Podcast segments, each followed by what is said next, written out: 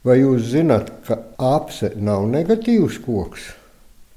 Mūsdienās daudz ezotēriķu un tautas tradīciju kopēji apsi salīdzina ar kaut ko negatīvu, ar sliktu koku. Un man tad radās jautājums, kāpēc? Nu, kāpēc tā tas ir? Jo no apses taisa maizes agras, pirts lāves, mājām jumtus liek skaidrs. Ziedonis Kārkliņš, tāds pazīstams uh, ekstrasens, ja? es gan nekur citur neesmu redzējis. Viņš saka, ka aku grodi ir taisīti no apses, jo ūdenī, nu, ūdenī neviens koks īsti nepūst. Ja? Bet, kad ūdens saglabājoties akā svaigāks, ja, ja tie grodi ir taisīti no apses. Cūkām silas. Kāpēc cūks sila taisa no apses? Apse ir rūkts koks. Un cūkām īsti negaršo tā rūkstošā garša, un viņas vienkārši negrauž to silu. Taisa sērkociņus.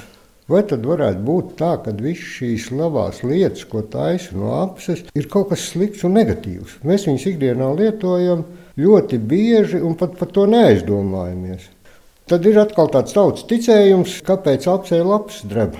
Drēb tāpēc, ka tur kāds ir pakāries. Vai pastāv arī kristīgajā baznīcā uzskats, ka krusts, kurā sita jēzus, bija no apses, bet izrādās nekā Palestīnā apse neaug.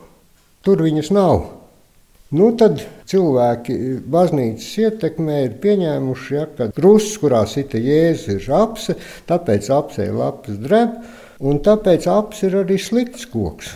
Tātad skauģim aug apses virze, man pēri kumeliņi. No apses sanāk ļoti skanīgs koklis. Un arī, e, ja paskatās, no kā tad ir taisīts koklis, ja, tad e, tā ļoti bieži ir apse bijusi. Viņa ir mīksta, viņa ir ļoti labi grebjās.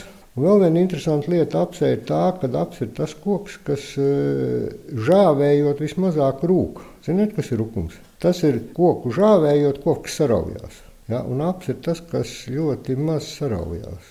Mazāk nekā citi.